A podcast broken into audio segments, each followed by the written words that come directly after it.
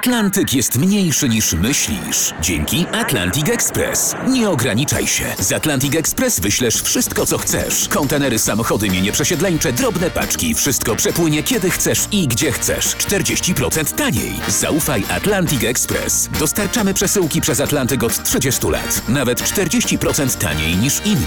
Dzwoń 1 800 775 73 63. Ekspresowo przez Atlantyk. Tylko z Atlantic Express.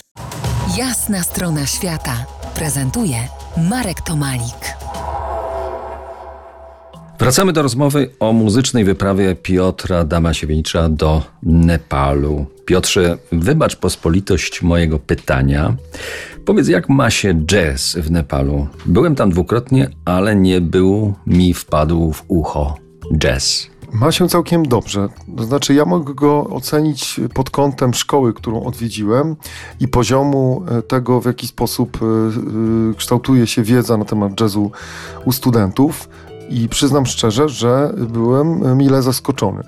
Wykładowcami są ludzie spoza, w większości spoza Katmandu, bo ten taki poziom, powiedzmy, ten, ten, ten imperatyw jazzowy, który oczywiście jest muzyka jazzowa, która się głównie kojarzy z kulturą zachodu, teraz się rozszerza i, i ten język się całkiem teraz poszerza i, i, i, nabiera nowych kierunków. Tak tutaj też wi widzę, że ta młodzież jest bardzo otwarta, ale też bardzo pracowita, szalenie zdolna i widzę, że ten postęp w edukacji zachodzi bardzo szybko.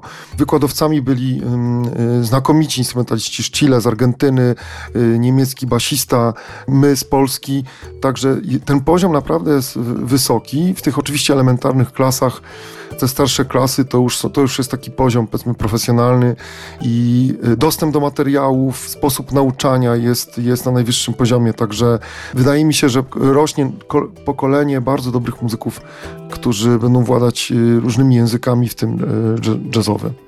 Kathmandu Jazz Conservatory, to chyba o tym tutaj tak. mówisz do nas.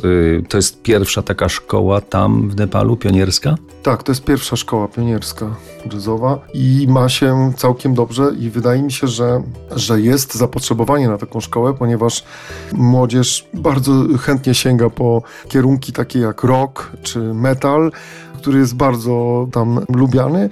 No i muzyka jazzowa jest swego rodzaju językiem dla młodzieży teraz, szczególnie językiem wolności to im się kojarzy właśnie jeszcze z taką kulturą zachodu, która się kojarzyła z, z kulturą wolności. Tak to jest postrzegane jeszcze i tak jak u nas jazz był językiem wolności, teraz ten język trochę przeszedł in, w inną formę, w innego rodzaju ujęcie kulturowe u nas, ale był i tak samo u nich, bo tam też przecież niedawno ta demokracja jakoś zaczęła funkcjonować. Poza tym ta muzyka etniczna, którą my jesteśmy teraz tu zafascynowani tak bardzo, jako, jako taki powiew właśnie, yy, głębszy powiew jakby tego, w co możemy się zagłębić duchowo, tak u nich często muzyka tradycyjna kojarzy się z czymś bardzo takim yy, ograniczonym, co, co należało do rodziców i tak dalej.